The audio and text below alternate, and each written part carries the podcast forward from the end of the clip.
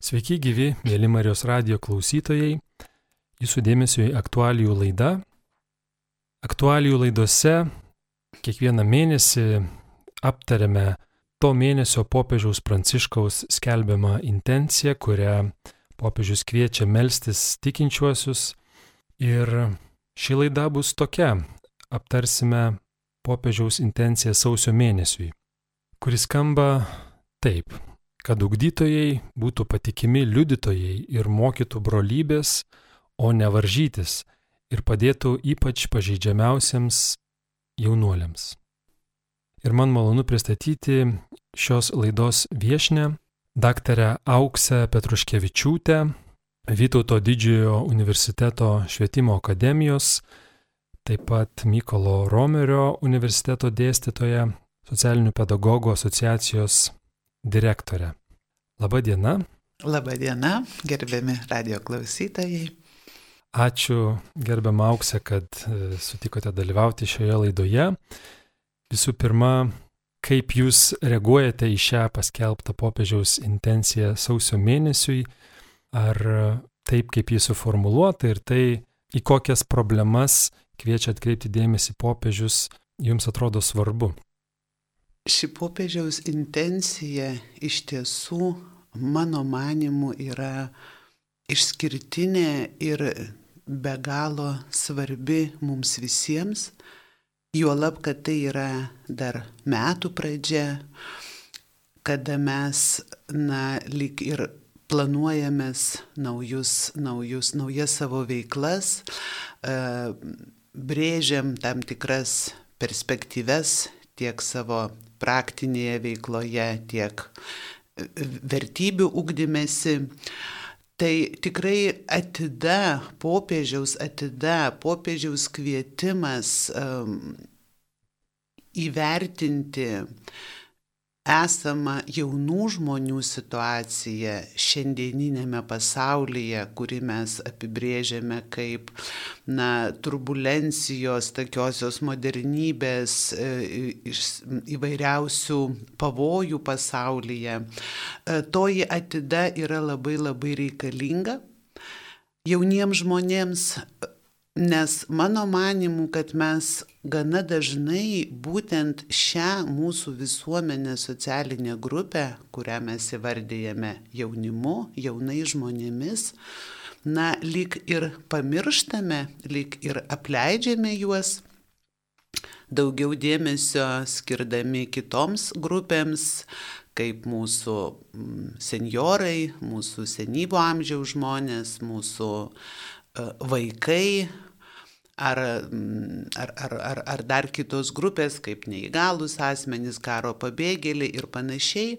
Na, o jaunimas daugeliu iš mūsų gali pasirodyti ir turbūt tiesiog ir atrodo, kad tai yra toji socialinė grupė, kuri yra mm, įgali savimi pasirūpinti, tai yra asocijuojasi su jaunystė, su gera sveikata, su energija, su uh, labai daug pozityvių dalykų, su pačiomis įvairiausiamis jiem atsiveriančiomis perspektyvomis.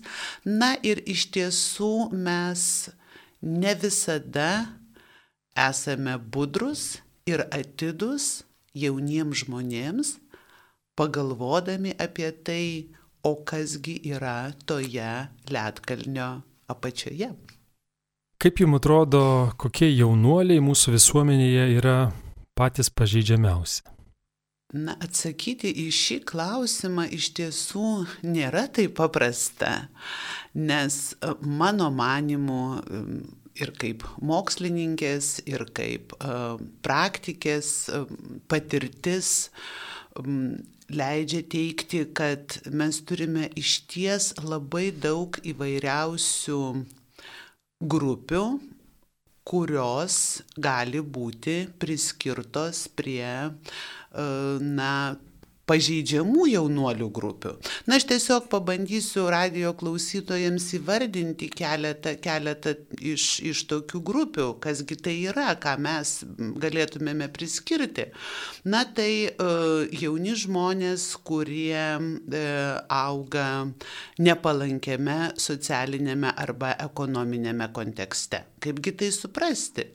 Na, tai gali būti žmonės, jauni žmonės, kurių mm, šeimose yra patiriamas skurdas, materialinis nepriteklius, taip pat kurių tėvai yra žemesnio išsilavinimo, patys jaunuoliai, kurie turi silpnesnę fizinę ir psichinę sveikatą, kurie turi įvairias negalės, jaunuoliai, kurie patiria ir išgyvena įvairias priklausomybės, yra patyrę skurdą, kaip jau minėjau, patyčias, prievartą. E, na ir tie žmonės, kurie turbūt buvo nemylimi ir yra nemylimi. Ir ta meilė, aišku, ji yra ir siaurąją, ir plačiają prasme. Na, o dar daugybė kitų gali būti įvardintų tokių socialinių grupių, tai e, ir, ir ilgalaikės mokymosi nesėkmės patyrę uh, jauni žmonės. Dabar mes turėsime ir jau turime grupę jaunų žmonių atvykusių pas mus iš uh, tokių pasaulio vietų, kur vyksta karas. Čia norėčiau paminėti, aišku, ne tik tai, ir, ne tik tai jaunus žmonės atvykusius iš Ukrainos, bet mes turime ir kitų jaunų žmonių atvykusių iš tokių teritorijų, patyrusių įvairias traumas, praradusių artimus žmonės ir, ir panašiai.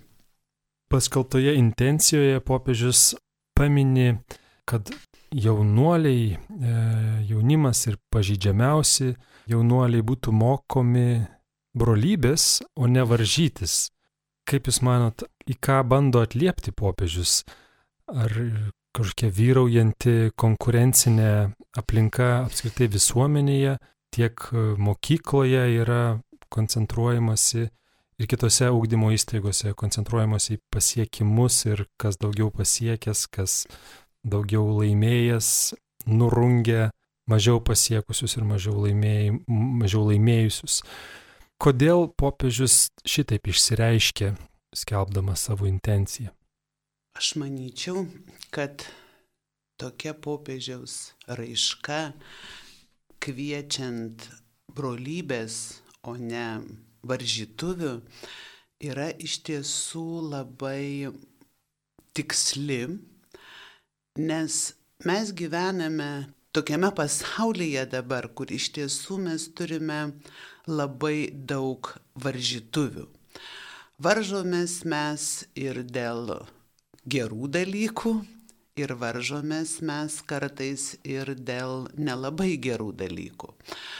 Na ir tos varžytuvės, na negali pasakyti, kad uh, varžymasis yra visiškai tik tai neigiamą atspalvį turintis reiškinys. Labai svarbu būtų, kad būtent mes kuo dažniau varžytumėmės dėl, dėl, dėl gerų dalykų, dėl pačių geriausių mūsų intencijų. Žinau, būti, būti gerų tėčių arba gera mama, būti gerų mokytojų, būti paslaugių kaimynų ir panašiai. Tai galėtumėme sakyti, kad tai yra tokios, na, e, varžytuvės turinčios teigiamą, teigiamą pridėtinę vertę. Bet, bet kokiu atveju brolybė visada ji duos tikrai geresnių rezultatų, nes kasgi yra brolybė. Tai mano manimu tai yra jėgų sutelktumas, tai yra siekis kažkokio bendro tikslo. Ir mes viso to brolystės, brolystės kontekste galima tikrai daug greičiau ir daug efektyviau pasiekti.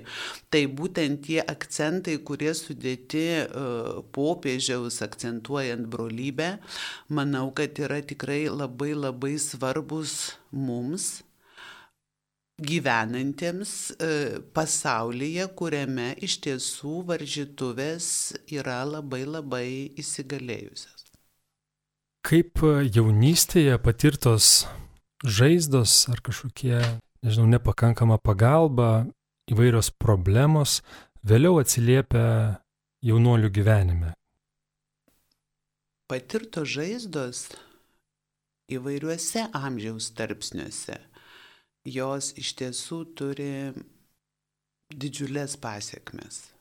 Ir tos patirtos žaizdos, patirta neigiama patirtis, ji taip lengvai neišnyksta. Dažnai jai reikia tiem žmonėms, kurie yra patyrę būtent tokias neigiamas patirtis, kas mes labai dažnai paprastai vardėme tiesiog žaizdomis, reikia pagalbos, kad tos žaizdos sugytų ir užgytų, nors mes ir žinom, kad dažnai lieka randai, dažnai lieka tam tikra atmintis, kad aš čia buvau susižeidęs. Na, o jaunų žmonių gyvenime tai atsiliepia jų elgsenoje, tai atsiliepia jų tolimesnėme vertybių formavimasi, mąstymė, santykyje su kitais žmonėmis, galiausiai kuo tas žmogus gali pasigirti, būdamas savo, na, galbūt jau ir gyvenimo pabaigoje, o kągi jis padarė, e, nugyvendamas visą gyvenimą. Tai um, žaizdų patirtis yra labai labai skausminga ir labai norėtųsi, kad kiekvienas iš mūsų patirtumėme kuo mažiau uh, tokių neigiamų patirčių, kaustančių mūsų gyvenimus, auginančių baimės, sukeliančių agresijas, pyktį, tas pačias perdėtas varžytuves. Uh, nes tada mes bandom kažkam įrodyti mm, tiems, ne visada tiesiogiai tiems, kurie, kurie yra ir susijęs su mūsų patirtomis nesėkmėmis arba žaizdomis. Tai tiesiog um, tai yra mm, tam tikri liekamieji reiškiniai visada lieka ir jie turi mm, išdavas labai skausmingas kartais. Sunku žmogui gyventi tada santarvėje su savimi ir su pasauliu, jeigu tu esi patyręs ypatingai daug žaizdų ir nesi gavęs tinkamos pagalbos toms žaizdoms užkyti. Bet jeigu yra suteikiama pagalba, ta prasme, žmonės susižeidžia ar yra sužeidžiami, jeigu kalbame plačiai prasme, problemų yra įvairiausių, bet jeigu suteikiama pagalba, e, yra sistema, yra atida, yra empatija ir yra kur gauti tą pagalbą. Ar tai daro labai reikšmingą įtaką apie pagalbos geros, profesionalios ir nuoširdžios pagalbos reikšmę? Ką jūs galėtumėt pasakyti? Profesionalios pagalbos reikšmė iš tiesų yra galinga. Lygiai taip pat kaip reikia suprasti ir tai, kad ne visada mes galime suteikti kvalifikuotą pagalbą, ta prasme mes galime suteikti kvalifikuotą pagalbą, bet ne visada jos rezultatai gali būti tokie, kokių mes norime ir kokių mes tikimės. E, dėl labai paprastos priežasties, kad iki pagalbos gavimo arba net ir pagalbos teikimo procese žmogaus neigiamos patirtis buvo arba ir yra labai didelės, labai stiprios ir kartais ta pagalba negali mm, amortizuoti E, visos tos neigiamos patirties. Grįžtant dar prie suteikiamos pagalbos, tai, mm, žinot, jeigu nebūtų įvertinta pagalbos reikšmė, tai mes turbūt šiandien net neturėtumėme tokių specialistų, ugdymo įstaigose, pavyzdžiui, kurie yra priskiriami švietimo pagalbos specialistams. Jie todėl ir atsirado ir mūsų visuomenėje kaip pavyzdys, kaip tinkamas pavyzdys, kuris buvo perimtas iš kitų visuomenių Ir šiandien mes turime, mes turime mokyklose veikiančius švietimo pagalbos specialistus, socialinius pedagogus, psichologus, specialiuosius pedagogus, logopedus. E, daugelis iš mūsų jau net nebegalime net įsivaizduoti, kaipgi mes galėtumėme organizuoti sėkmingą ugdymosi procesą ir padėti jauniems žmonėms patyrusiems įvairias e, ilgalaikės nesėkmes, jeigu mes neturėtumėme tokių specialistų. Tai manyčiau, kad mano atsakymas būtų toks, klausimas tik tai toliau galėtų būti gvildenamas, e, kokie yra mūsų pajėgumai, kaip bendrai Lietuvoje veikia švietimo pagalbos sistema, ko mums trūksta, kur mums reikėtų dėti galbūt akcentus e, ir į kitus šalutinius dalykus, kad pagalba turėtų suteikti jauniems žmonėms ne tik tai švietimo pagalbos specialistai, tačiau be abejo ir visi kiti dalyvaujantis e, tiesiogiai asmens ugdymosi procese, tai būtent pedagogai, neformaliojo švietimo įstaigų specialistai ir medikai taip pat ir kiti žmonės, kitos institucijos, kurių tiesioginė priedermė yra būtent teikti pagalbą jauniems žmonėms.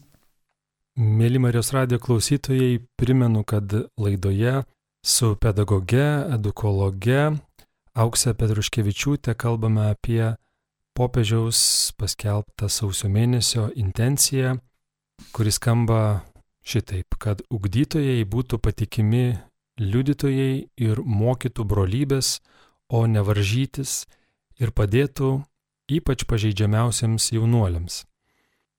Laidos pradžioje kalbėjome daugiau apie jaunuolius, kaip apie socialinę grupę, apie tai, kokios situacijos padaro juos pažeidžiamus, tačiau vis tik intencija popiežiaus yra kvietimas melstį už ugdytojus, už um, mokytojus, dėstytojus, socialinius pedagogus. Jūs nemažai ir pavardinot neformaliojo švietimo atstovus, mokytojus, logopedus ir, ir visus, apie ką galime pasakyti, kad kažką ugdo. Kokios, su kokiomis problemomis susiduria ugdytojai, jūs esate socialinių pedagogų asociacijos direktorė, galbūt kalbant apie socialinius pedagogus ir plačiau iš savo patirties, kodėl verta melstis už e, šiuos žmonės, kaip ir kviečia popiežius, ko labiausiai jiems turėtume linkėti ir melstį tuo pačiu. Tikrai išskirtinis popiežiaus kvietimas melstis už ugdytojus, nes ugdytojai tai yra tie žmonės, kurie yra dažnai arčiausiai mūsų kitų jaunų žmonių. Daugeliui pažeistų jaunuolių labai dažnai ugdytojai būna tiesiog vieninteliai žmonės, kurie yra artimiems ir galintys suteikti profesionalią pagalbą. Tai iš tiesų tas kvietimas melstis ir yra ir pagarbos ženklas, ir atidos ženklas, ir pačių geriausių intencijų mūsų ugdytojams, mūsų pedagogams, mūsų švietimo pagalbos specialistams ir visiems visiems, kurie gali būti ir priskiriami ugdytojų grupiai ženklas. Na, kalbant apie, apie švietimo pagalbos specialistus, apie kitus pedagogus, tai e, pagrindiniai turbūt iššūkiai, su kuriais šiandien susiduria šie žmonės, yra tikrai pakankamai sudėtingas gyvenimas e, šiame sparčios kaitos pasaulyje, kaita vyksta kaip niekada greitai, iššūkių mes turime tikrai labai labai daug, o jeigu mes dirbame su jaunai žmonėmis, tai uh, mes susidurėme dažniausiai su tokiais iššūkiais, kurių iki šiol dar neteko niekam patirti. Aš noriu pasakyti tai, kad jauni žmonės, jie visada pirmieji E, išbando naujus dalykus, jie reaguoja pirmieji į tai, kas vyksta mūsų aplinkoje ir visą tai jie atsineša į tą lauką, kuriame ir susiduria tiek jauni žmonės, tiek ugdytojai. Taigi ugdytojams reikia pirmiausia pirmiesiems atkoduoti iššūkius, rūpeščius, e, problemas, sėkmes ir nesėkmes, su kuriais ateina jauni žmonės ir tada jau ieškoti, kaip, kaip spręsti šituos iššūkius, kaip padėti jauniems žmonėms juos spręsti, po to galvoti, kokiusgi įjungti na tuos prevencinius mechanizmus, kad užkirstumėm kelią ypatingai vienam ar kitam neigiamam reiškiniui.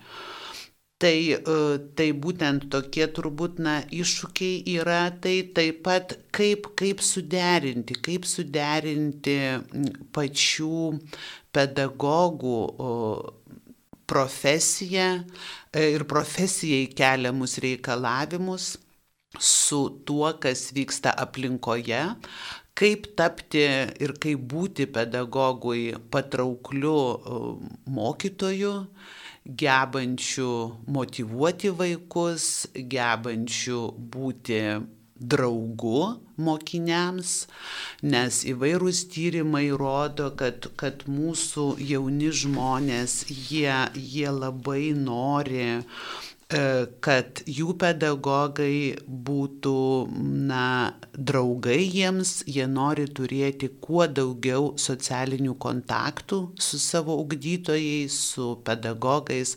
Ir būtent pedagogams ir reikia tada kažkaip sugebėti būti ir kartais reikliais pedagogais ir tuo pačiu būti mm, bičiuliais savo mokiniams.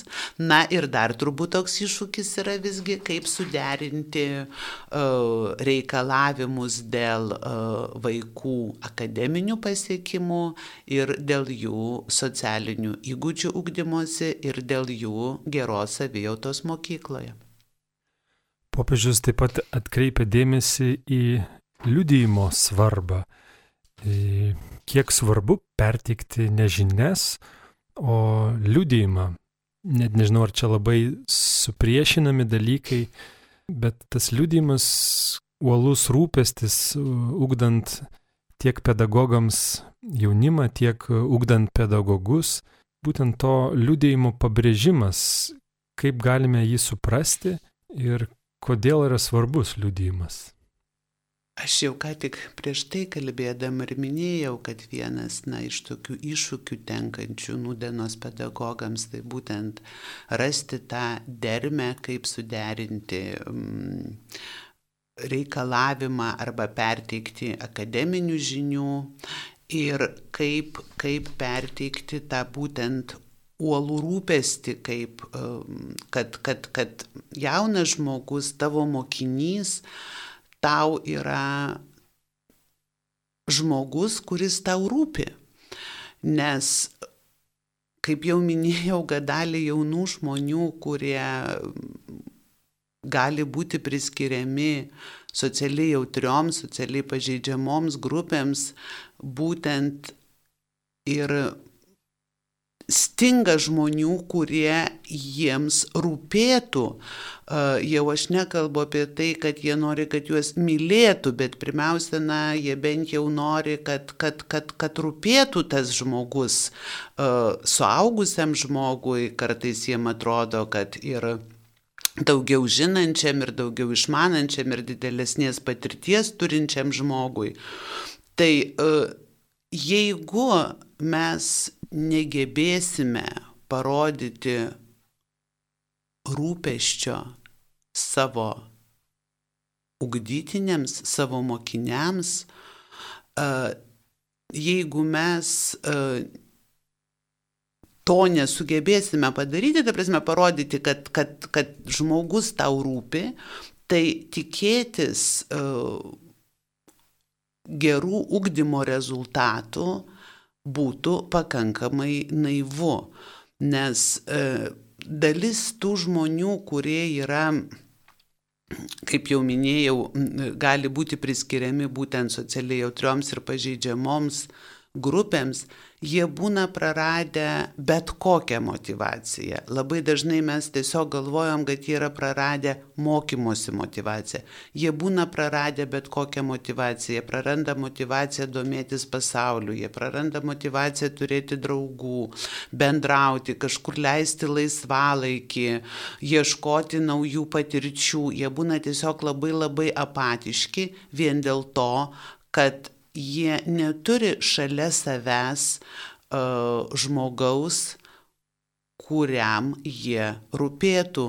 Tai mūsų visų ugdytojų yra pareiga būtent pirmiausia parodyti tą rūpestį, bet neformaliai parodyti tą rūpestį, o visa savo elgsena, visus savo uh, visa savo veikla būtent tą rūpestį ir parod. Kaip aš sakau, tai mes turim įsividujinti tą rūpestį ir tokiu būdu tą savo rūpestį tikrai įvietinti konkrečiuose žmonėse. Popiežiaus e, intencija mini taip išsireiškia, kad ugdytojai būtų patikimi liudytojai. Galbūt tai, ką jūs e, dabar sakėte ir daro, ugdytoją patikimu. Kas dar ugdytojus, kvalifikuotus speciali, specialistus daro patikimus, kuriais būtų galima pasikliauti ir kodėl jaunimui svarbu e, bendrauti su patikimais ugdytojais, patikimumas kaip e, svarbi savybė ugdytojams. Labai susimaiščiau, kai jūs įvardijote tokią labai svarbią ugdytojo savybę kaip patikimumas, nes kažkaip galvoju, net turbūt nelabai man kur teko apie tai ir, ir, ir, ir, ir skaityti, ir kalbėti. Ir dabar tiesiog bandau dėlioti mintis, kad iš tiesų turbūt mes visi labai norime patikimų dalykų. Nes tada mes jaučiamės saugiai. Jeigu mes turim patikimą draugą, jeigu mes turim patikimą kolegą, jeigu mes turim patikimą kaimyną, o jeigu mes dar turėtumėme ir patikimą mokytoją, tai tiesiog manau, kad mūsų tos saugumo ribos labai labai prasiplėstų, nes mes tada galėtumėme būti ir atviri, ir nebijotumėme pasirodyti, kad esame pažeidžiami, silpni, nes mes tiesiog turėtumėme šalia žmogų, kuris yra patikimas, o patikimas, tai turbūt taip pat gali būti siejama ir su žodžiu tikėjimas, kad tas žmogus, kuris patikimas, jis tiki mumis, tiki mūsų gerosiomis galiomis ir tikrai padės tada, kada mums labai labai reikia. Tai tiek turbūt apie tą patikimumą, bet tikrai išskirtinis, iš, išskirtinis įvardyjimas mokytojo patikimumo man dabar pasirodė. Ačiū Jums labai už tokį įvardymą. Taip e, įvardyja popiežiaus intencija. Tikrai plačiai apima tą intenciją ir dabar laidoje kalbant, matosi, kad tikrai galime daug narplioti kiekvieną žodį. Dar kartą paminėsiu popiežiaus intenciją sausio mėnesiui, kad ugdytojai būtų patikimi liudytojai ir mokytų brolybės, o ne varžytis ir padėtų ypač pažeidžiamiausiems jaunuoliams. Kalbėjome apie jaunuolius, apie ugdytojus, tačiau popiežiaus intencija skelbiama tam, kad visi tikintieji katalikai melstusi šią intenciją ir iš tiesų skirta visiems. Ir kaip jums atrodo, gerbiama auksė, kaip visuomenė priima ugdymo misiją, ugdytojo misiją? Ar linkusi bendradarbiauti, kai reikia įvairiose sritise palydėti pažeidžiamus jaunulius? Ar um, nėra pernelyg įsigalėjęs kažkoks klientiškumo santykis? Mes kalbame, kad ugdytojai, mokytojai, dėstytojai ir visi kiti ugdymo srityje dirbantis turėtų būti geri specialistai. Ir tada stebime įvairius parametrus, ar jie atitinka to gero specialisto vardą. Ir tiesiog reikalaujame kaip paslaugos kažkokios, bet ar kaip visuomenė esame linkę bendradarbiauti su ugdytojais ir priimti jų darbą kaip visų bendrą misiją. Mano manimu, visuomenės požiūris į ugdymą, jis yra išties kaitos procese, na taip turbūt kaip ir daugybė kitų reiškinių yra nuolatinės kaitos procese. Ir tikrai mes visi labai labai daug kalbame apie tai, kas yra ugdymas, kas yra toji mokykla, kokia ji turi būti, o ypatingai koks turi būti mokytojas, ar mm, mes turime suteikti jam pagalbą, ar mes turime bendradarbiauti, o gal jeigu jau jis pasirinko tokią profesiją, tai jis tada ir turi tapti pagrindinę atsakomybę prisijimančių asmenių. Tai iš tiesų virsmai vyksta, virsmai vyksta labai įvairūs ir m, mm, turbūt nėra taip paprasta įvardinti mm, be, bendrai, koks kitas procesas vyksta, nes priklauso labai nuo daugelio dalykų, priklauso nuo konkrečios vietos nuo, nuo konkrečios vietos bendruomenės, e, kurgi yra toji mokykla. Arba ugdymo įstaiga, ne tik tai mokykla, mes juk čia kalbame ir apie vaikų dienos centrus, mes čia kalbame ir apie socializacijos centrus, ir apie neformalio vaikų švietimo įvairiausias institucijas. Tai e, vienose iš jų mes pastebime tikrai labai gražius bendravimo ir bendradarbiavimo procesus. Mokyklos yra atviros bendruomeniai. Mokyklos um, stengiasi įtraukti kuo daugiau bendruomenės narių ir atverti ne tik tai fizinės patalpas, bet atverti tai, kas juose vyksta, įvardindami ir gerus, ir kartais, na, ir visai, ne visai gerus dalykus, na, tai yra normalu, nes e, toks yra gyvenimas. Kitos bendruomenės yra labiau uždaros, e, tai vėlgi turbūt priklauso nuo geografinės padėties, kur yra toji viena ar kita bendruomenė. Na, e, taip pat priklauso nuo labai asmeninių dalykų, nuo to, koks yra pavyzdžiui mokytojas, kaip jis sugeba sukurti santyki su savo klasės mokiniais, su savo klasės mokinių tėvais, su kitais mokyklos bendruomenės nariais, koks yra mokyklos vadovas, kokia yra bendrai sprendimų prieimimo visa metodologija. Na, bet iš tiesų, mano giliu įsitikinimu ir tuo, kad aš tikrai esu labai ir socialiai atsakingas, ir socialiai veiklus žmogus, aš galiu pasidžiaugti, kad mes tikrai esame auganti visuomenė, kuri vis daugiau ir daugiau dėmesio skiria būtent um, tokiems dalykams, kurie reikalauja išskirtinės atidos. Ir jeigu jau aš minėjau pačioje pradžioje, kad galbūt na, jaunimas dar yra ta grupė, kuri nėra tokia e, labai stipriai e, mūsų atidos centre esanti grupė, vien jau dėl to, kad mes kartais tiesiog nu, neidentifikuojam, kas jie yra, koks tai yra amžius, ką jie veikia, ką jie gali ir ko jie negali. Mes nelabai suprantame jų psichologijos, mes kartais turbūt jų tiesiog prisibijome arba privengėme, bet nepaisant to mes turim labai gražių bendrų iniciatyvų. Mes atidarome lygiai taip pat įvairias erdves mūsų jauniems žmonėms, mes turim veikiančias atviras jaunimo erdves, mes turim veikiančius jaunimo klubus, mes turime labai daug um, organizacijų, kurios yra skirtos būtent jaunimui.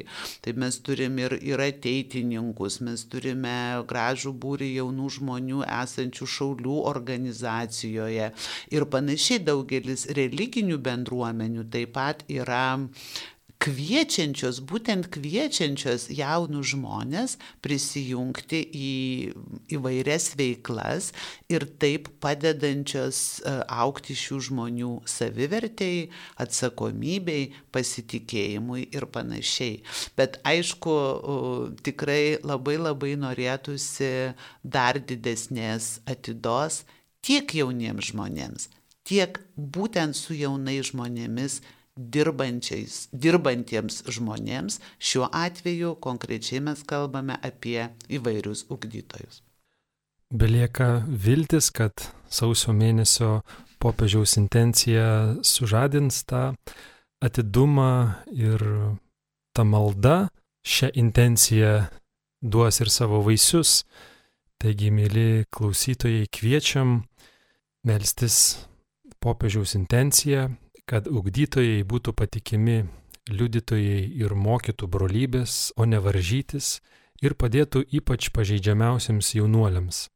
Už tai kviečia popiežius melstį sausio mėnesį ir labai noriu padėkoti šios laidos viešniai, daktariai Auksiai Petruškevičiūtei, Vytauto didžiojo universiteto švietimo akademijos ir, ir Mykolo Riomerio universiteto dėstytojai socialinių pedagogų asociacijos direktoriai už dalyvavimą šioje laidoje.